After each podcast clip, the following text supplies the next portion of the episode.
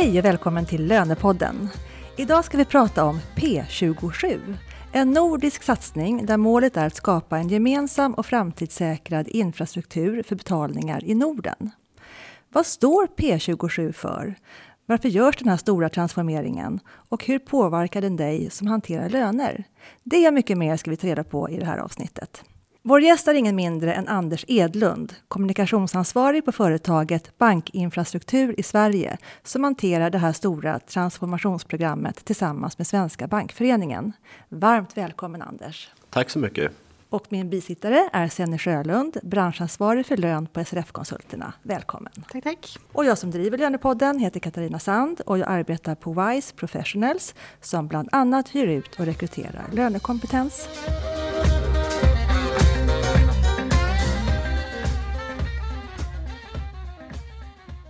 Anders, låt oss ta det här från grunden. Berätta, vad står P27 för och vad är syftet? Ja, jag kan berätta lite grann om P27 och sen om transformationsprogrammet och programkontoret som jag tillhör då som, som ligger under Bankinfrastruktur i Sverige AB. Eh, jag börjar med P27 så står det för 27 miljoner människor i Norden. För den här nya betalningsinfrastrukturen kommer att vara en gemensam nordisk infrastruktur. Så istället för att ha ungefär åtta olika betalinfrastrukturer som vi har idag så kommer vi ha en. Eh, vilket kommer också att underlätta handel till exempel mellan nordiska länder. Och i och med att det här också är en europeisk standard så kommer det att underlätta för handel för företag som har liksom kontakter ute i Europa och så vidare. Så 27 miljoner människor i Norden. Och Bakgrunden till detta är att om vi säger att bankgirot som är det som ska ersättas av det här nya. Det skapades eh, på, på 50-talet för, för papperstransaktioner. Och det har ju hänt lite sedan dess då. Eh, och man började titta på det här redan 2011. Så har man funderat och sen 2017 så tog man beslut om den här nya betalinfrastrukturen. Och då bildade sex ägarbanker bildade då ett bolag som heter P27 och det är ett företag. Vilka banker är det? Handelsbanken, Nordea, SE-banken, Swedbank, Danske Bank och Pohjola. Och Pohjola, är det en finsk bank? Det är en finsk bank. Och finnarna har ju kommit längre eftersom de är ett euroland. Så de är ju redan där. Och det här är också en anpassning till europeiskt regelverk. Och då för att, ge, för att driva ett sånt här projekt som är enormt. Eh, ett litet exempel är att 2019 så, så slussade bankgirot 21 000 miljarder kronor eh, genom systemet. Och ehm, då beslöt man sig för att göra ett projekt och då startade man svenska transformationsprogrammet. Och det behandlar bara den svenska transformationen, bara den svenska marknaden. Och då är vi som, vi som jobbar där, vi är enligt krav eh, konsulter så vi är inte anställda på Bankinfrastruktur i Sverige AB och liknande. Utan Bankinfrastruktur i Sverige AB det är ett eh, dotterbolag till Bankföreningen där alla projekt inom Bankföreningen hanteras. Jag tror att vi är det största projektet men det finns ett antal andra projekt. Hållbar byggbransch till exempel annat som, som, som sorterar under Bankinfrastruktur i Sverige AB. Hur många är ni på bank? Infrastruktur? Ja, det vet jag faktiskt inte hur många som är anställda där. Jag vet att vi, vi för närvarande är vi, vi ehm, tre personer på programkontoret. Alltså det, det är projekt, projektet för, för transformationsprogrammet. Men vi, vi ska bli fler. Eh, vi, vi tittar nu efter, eh, ja, vi kommer att rekrytera, vi har rekryterat en som är ansvarig för autogiro specifikt och sen en risk manager också. Eh, det finns olika områden då, så eh, Lars-Åke Edenfelt han är Business Change Manager och han är då ansvarig för själva transformationsplanen. Och den innebär då att bankerna måste ju veta eh, när ska vi förändra vad? När behöver vi göra vad? Då, då det är han som är ansvarig för att driva den här eh, transformationsplanen. Vi jobbar tillsammans med eh, de åtta banker som sitter i transformationskommittén. Det är alltså den styrelse som vi rapporterar till. Det är några fler än, än ägarbankerna. Eh, men ett tillägg där också att vi jobbar också med att stötta hela bankcommunityn. Så vi har bilaterala möten med, med alla banker. Det, det är ett 40-tal på den svenska marknaden. Men om vi, de vi jobbar aktivt med, så vi, vi har olika arbetsgrupper där representanter från bankerna sitter med då, och, och då är jag ansvarig för kommunikationsbiten. Hur ser tidsplanen ut? För Nordea har väl, de är redan klara? Eh, nej, ingen bank. Nej, ingen bank då hade jag varit okay, överlycklig då, ja, okay, om de var klara. Ja, de före, ja, nej, så, så här, den är men några har påbörjat i alla fall? Ja, ja. ja men vi kan säga att eh, så här är det. Eh, man kommer inte att bara släcka ner bankgirot utan det här är indelat i tre faser. Så att fas 1 det är alltså hösten 2023 och den berör ju konsulter och, och lönesidan. För då ska eh, konto till konto betalningar, det vill säga bankkonto till bankkonto, börja gå i det nya. Då ska man börja flytta över till det nya eh, digitala. Och nästa fas startar, alltså den startar ju hösten 2023. Det är inte så att allting är flyttat hösten 2023. Alltså, det är våren 2024. Då börjar man med det vi kallar för aliasbetalningar. Alias det är, det är ett bankgiro, ett plusgiro. Det vill säga bakom ett bankgiro och ett plusgiro så finns det ett riktigt bankkontonummer, därför, därav alias. Då, börjar, då ska det börja gå i det nya. Och det är alltså fas 1 startar våren 2024. Och sen det sista som är den största delen, det är autogiro. Och det berör ju alla som bor inom Sveriges gränser i stort sett. Den, den är inte planlagd än. Och det är av eh, ja, juridiska skäl och av andra skäl. Alltså att man, man, vill, vi vet, man vet inte riktigt hur den här lösningen kommer att se ut och då får det konsekvenser. Men den kommer att planläggas. Eh, som hela transformationsplanen, alltså detaljerat planläggas. Den hela transformationsplanen eh, ambitionen just nu är slutet av 2024, början 2025. Någonstans att det ska kunna vara genomfört. Då, då. Men det är inget detaljerat ändå. Vilka är de största vinsterna skulle du säga med det här? Om man tittar på de, varför man gör det här i stort sett så kan man säga att det här är ju också Det finns legala krav som ni tänker på lagen om penningtvätt och liknande. Så i dagens läge så är det bankerna kan inte se om man gör en bankgirobetalning. Eh, så kan man inte se om jag gör 100 000, om jag betalar dig 100 000 kronor. Så kan inte banken se om det är 100 000 enkronor jag har betalat eller om det är en klumpsumma på 100 000. Det kommer du kunna se i det nya. Sen för eh, lönekonsulter så, så kommer det att bli, om man tar sådana här eh, lite tekniskt specifikt. Och idag så tillåts 12 tecken när du skriver. Det kommer att bli, bankerna kommer att ha möjlighet att erbjuda, det är ju bankspecifikt vad de väljer att erbjuda, 140 tecken. Och det kan man ju utnyttja till ganska mycket.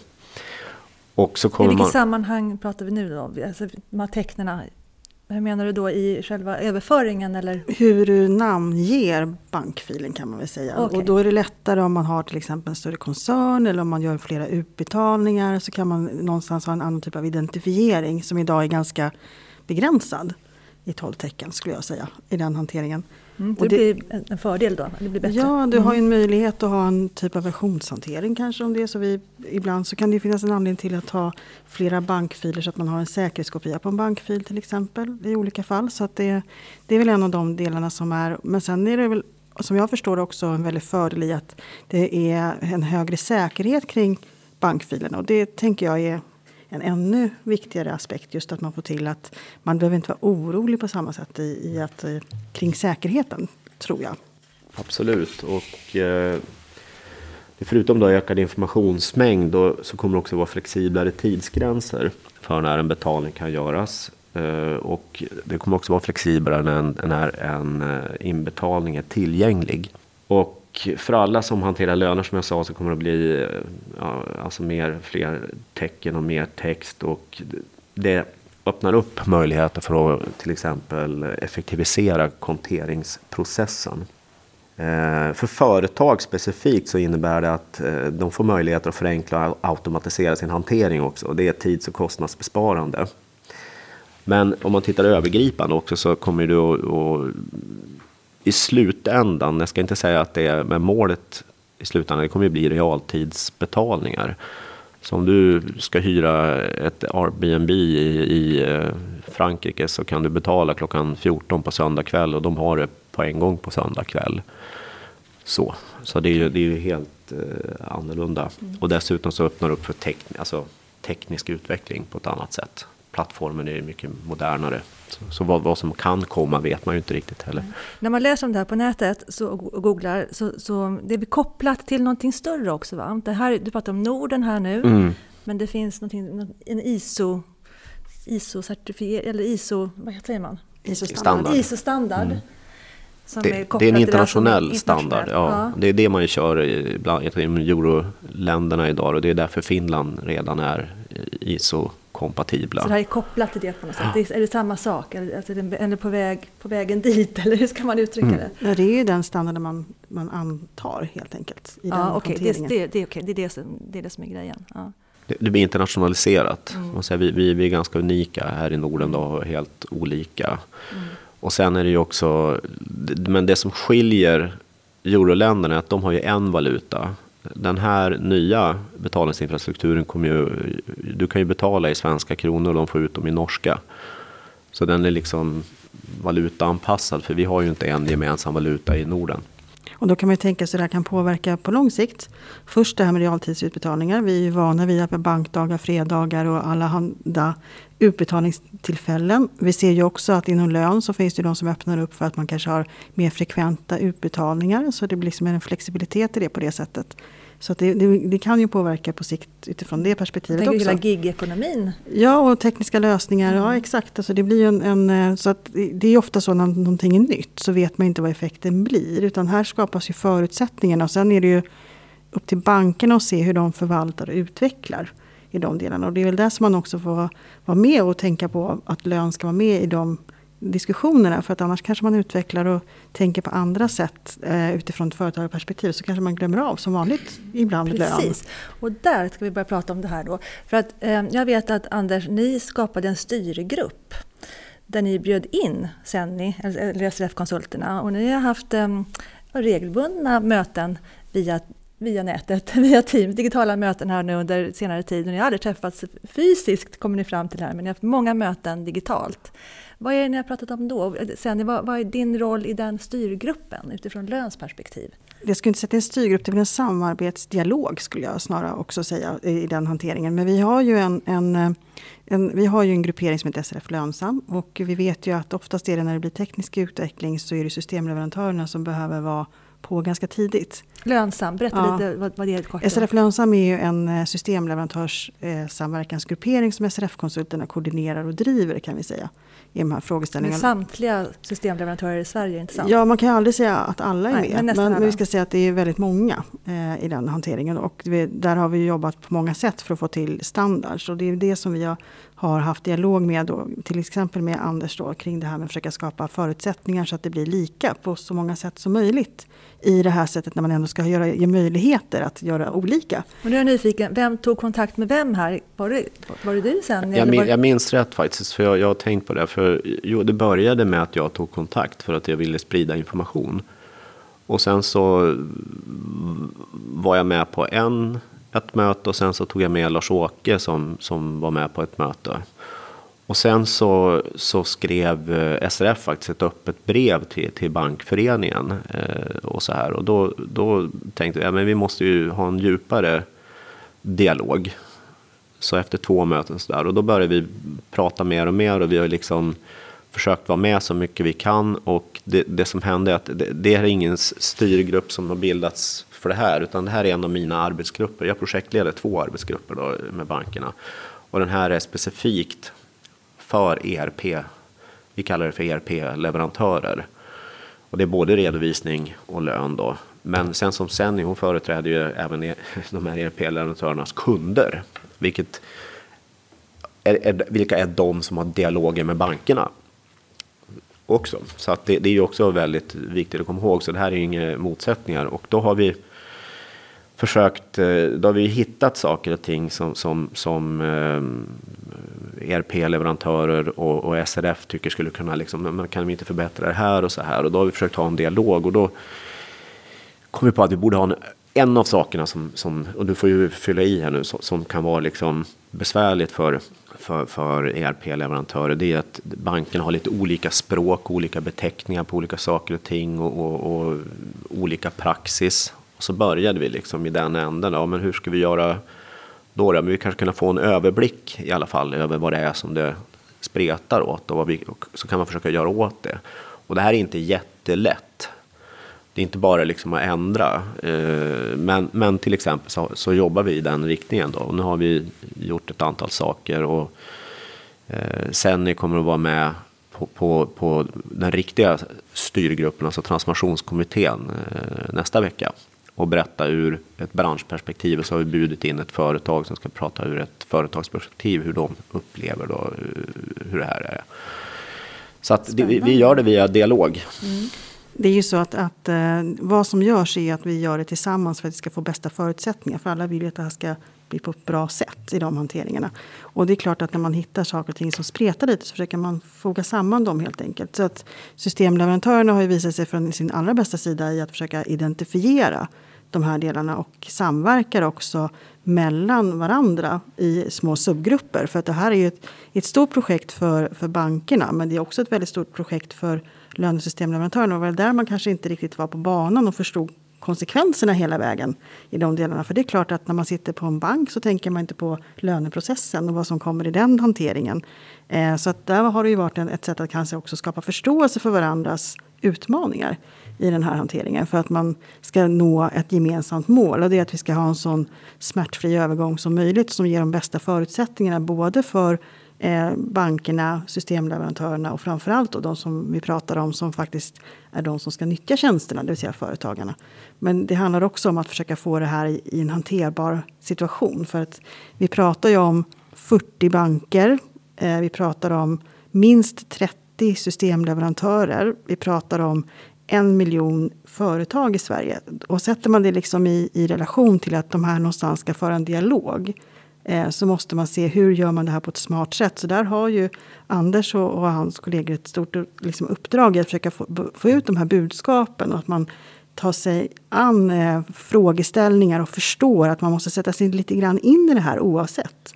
Jag har ju faktiskt på flera ställen träffat på där man säger att ja, men det här kanske inte är våran sak på lön. Och nu hör vi hur Anders sitter och berättar att det första man gör det är att man, liksom, man tittar på betalningsfilerna som går för löneutbetalningar. Eh, så det är klart att vi måste vara med på, på banan. Och man kan tycka att långt fram eller inte. Men som vi konstaterade tidigt här så är det så att det är ju, här är ju en process. Så det innebär att, att eh, bankerna har ju påbörjat sitt arbete. Och det finns ju de som har gått över till det nya ISO-standardformatet. Eh, och det här att det liksom inte är man vill ju ha en mjuk övergång som man pratar om, att man ska ha en möjlighet och bankerna anpassa utifrån sina utvecklingsplaner.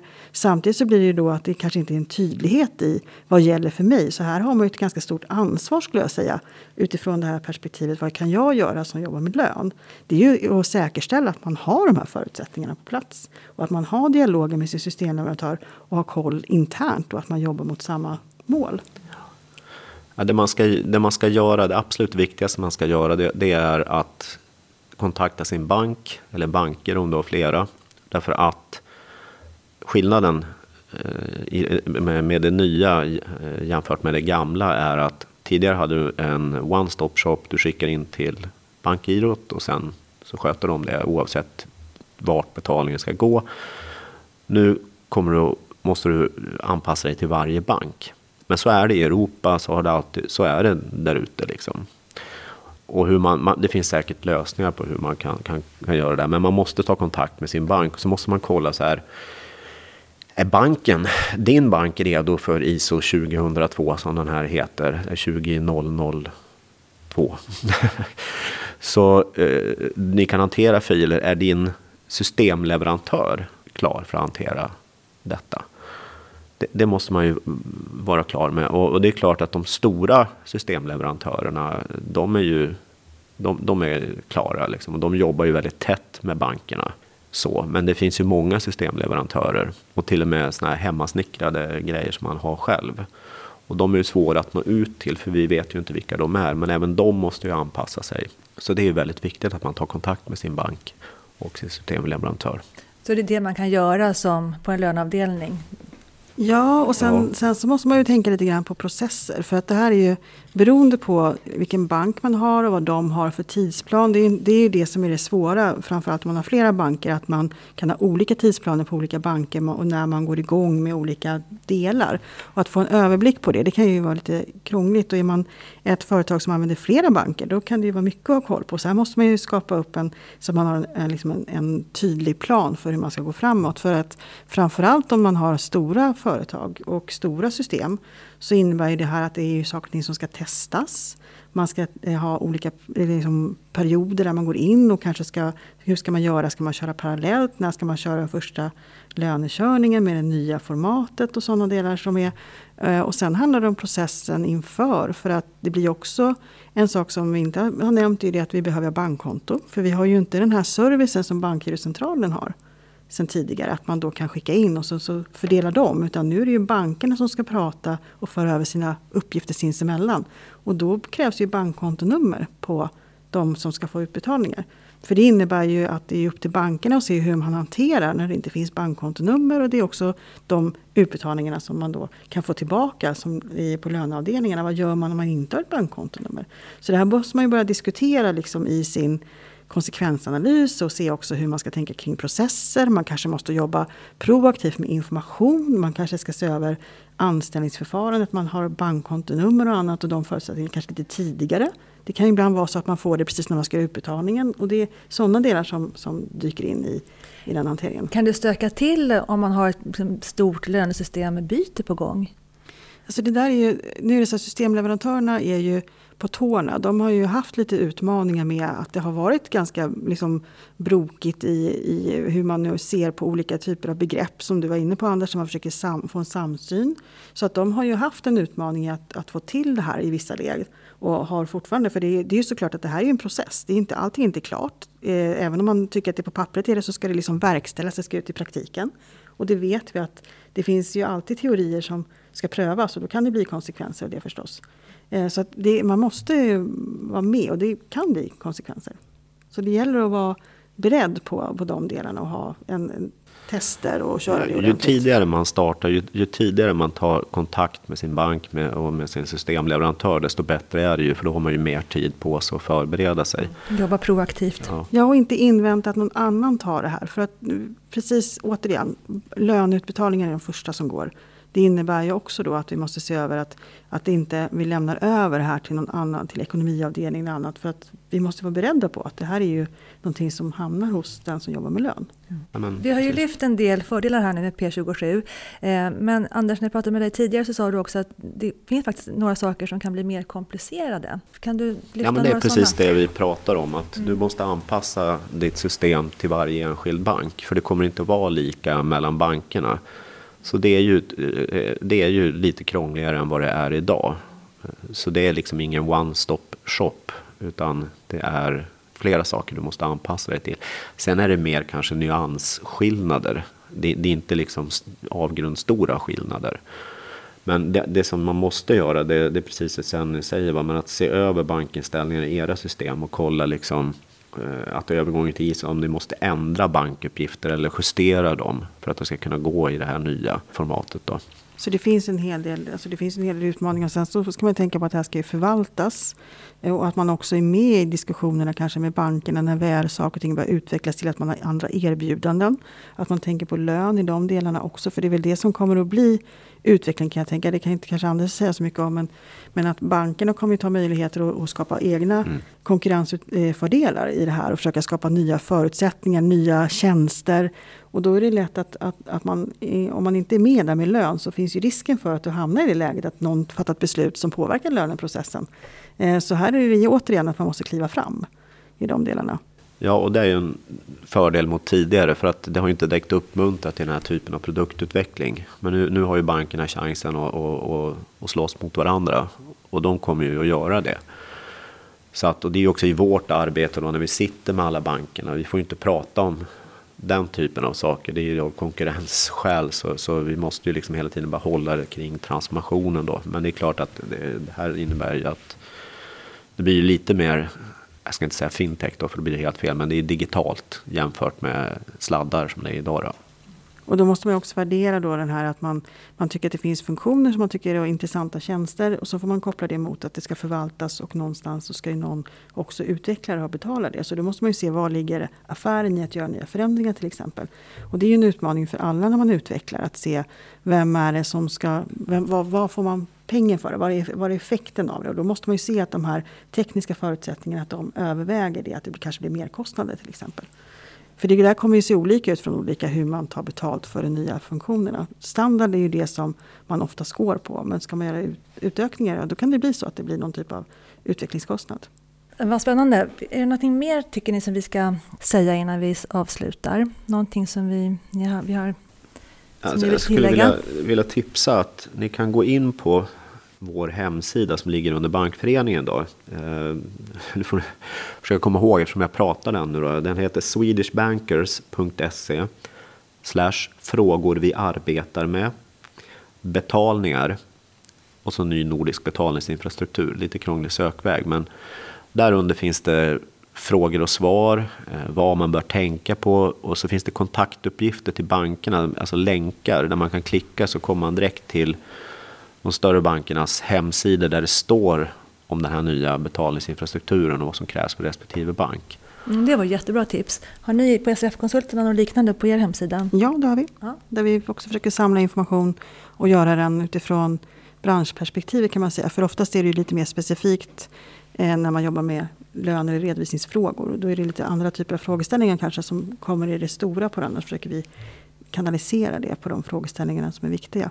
Men jag tänker också det som, som vi pratade om, det här med att man skapar en nordisk standard och att teknikutvecklingen går ju åt det här hållet. Och, och att all, eh, man kan tycka att det är ganska att det är omständligt, att det är mycket och så. Men tekniken möjliggör ju saker och ting och det måste man ha med sig när det ibland kan kännas lite tungt eh, på många sätt. Och när systemleverantörerna väl har det på plats så kommer det ju att, säkert att underlätta en hel del. Eh, men också det att det kommer ju att göra en fördel för de som till exempel jobbar på en nordisk marknad. Det ska man inte glömma av. Att det, de här hanteringarna, vi jobbar ju ganska internationellt idag. Den problematiken blir ju eh, liksom en annan. Men det medför ju också att man måste ha lite mer koll på förutsättningar dit man betalar. Det är också ett viktigt medskick att man vet när måste jag skicka bankfilen till vilken bank och de delarna. Där ska man stämma av och se till att man har koll på de eh, schemana skulle jag säga. Det är en viktig del.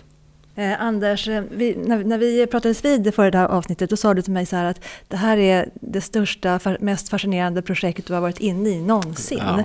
Att det är jättespännande att jobba med de här sakerna. Ja. Berätta. Ja, nej, men det är otroligt lärorikt. Jag, jag har, har jobbat i, i, bank och finans i 22 år drygt. Började 98. Eh, men jag har aldrig kommit i kontakt med betalningar. Av någon anledning. Men det var väl inte så stekhett på den tiden när man började. Men nu är det ju det.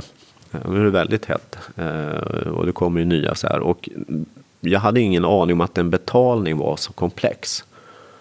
Det, det är där tror jag det sitter. Och, och mm, det, det, är så många aktörer inblandade. Liksom allt ifrån Riksbanken som håller i alla pengar och hur det funkar med, med, när man gör en betalning och signaler dit och hit. Och, och, och, så, så jag kan säga så här, nu har jag varit inne sedan februari 2021 i det här projektet och det går inte en vecka utan att jag lär mig något nytt. För det är så otroligt komplext det här området och därför så, ja det är ju ett enormt stort projekt som kommer att kräva stora informationsinsatser. Och jag tycker det är eh, också tillfredsställande, jag tror jag sa det till dig, att jag jobbar ju inte med någon form av branding, utan jag jobbar med informationsgivning. Och det är också väldigt tillfredsställande att liksom vi, vi, det handlar om att få ut den här informationen, liksom att det är viktigt att förbereda sig och så vidare. Och, och var, var, går den informationen? Till vem går den? Då? Just i dagsläget, jag kommer ihåg att jag berättade att det är tre fraser. Mm. Så att eh, nu, nu kommer ju det här konto till konto som bland annat då eh, påverkar lönesidan.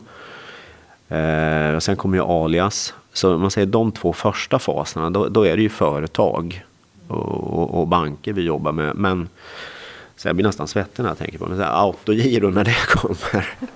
Då pratar vi en, en informationskampanj. Där, där är, ja, precis. Och då är det ju rikstäckande. Det är, vi vet ju inte hur, hur och vem och vad ska sköta den här kommunikationen. Men, men det finns ju ett antal. Vi, vi pratar också med givarorganisationer, alltså till exempel Giva Sverige, eh, där, där Cancerfonden och Röda Korset och sånt ingår. Och, och de har ju stort intresse i detta. Och det finns ju också ett Många människor har ju autogiro, till exempel så här, det vi kallar icke-digitala kunder. Och det, det behöver inte nödvändigtvis vara äldre och handikappade. Det finns ju yngre som faktiskt inte har det. Men om vi tänker en äldre person. Eh, hur ska vi lyfta över dem till det nya? Hur ska de få veta det här? Det är rätt stora, jag vet inte än. Men det är rätt stora kommunikationsutmaningar i det här projektet. Och jag tror att det är svårt att hitta ett större projekt i Sverige. Kanske på Europanivå skulle man nästan kunna säga. Det, det ju, berör så många. Och det är ju också en samhällsviktig funktion att, att eh, betalningstransfereringar fungerar. Jag blir alltså fascinerad liksom att de här stora projekten, att, att ni är så få där du jobbar ja. och även du sen, att ni är så få, det är ju bara du nu på, på lönesidan på, på SRF-konsulterna. Men ni, ni, låt, ni, ni, är så stora, alltså ni är så viktiga men, stora men, men nätverket arbeten. är stort. Alltså men, nätverket är en precis, stort ni jobbar med nätverk, det är det ja. som är grejen. Va? Ja. Så man kan inte ha för många heller. Det blir, blir för ineffektivt. Mm. Om du ska, alltså vi hjälper ju att projektleda i transformationen då. Mm. Eh, men, men, det är ju bankerna och, och, och ERP-leverantörer, det är de som gör det stora jobbet. Så att eh, det, det är ju väldigt många inblandade. Att ta kontakt med allihop och veta vem man ska ha kontakt med och så. Det är också Jaha. det är en bedrift. Ja men vad härligt. Stort tack Anders för att du kom och gästade Lönepodden. Tack för att jag fick komma. Väldigt givande för våra lyssnare. Och tack till Senni Tack till Henke, vår poddproducent. Och nästa avsnitt kommer handla om, eh, vi kommer faktiskt fortsätta på temat cyberattacker. Då blir det Swedbank och Visma som är gäster, som hjälpte Kalix kommun ur krisen. Så att, eh, till dess säger vi hej då! Hej då! Hej då!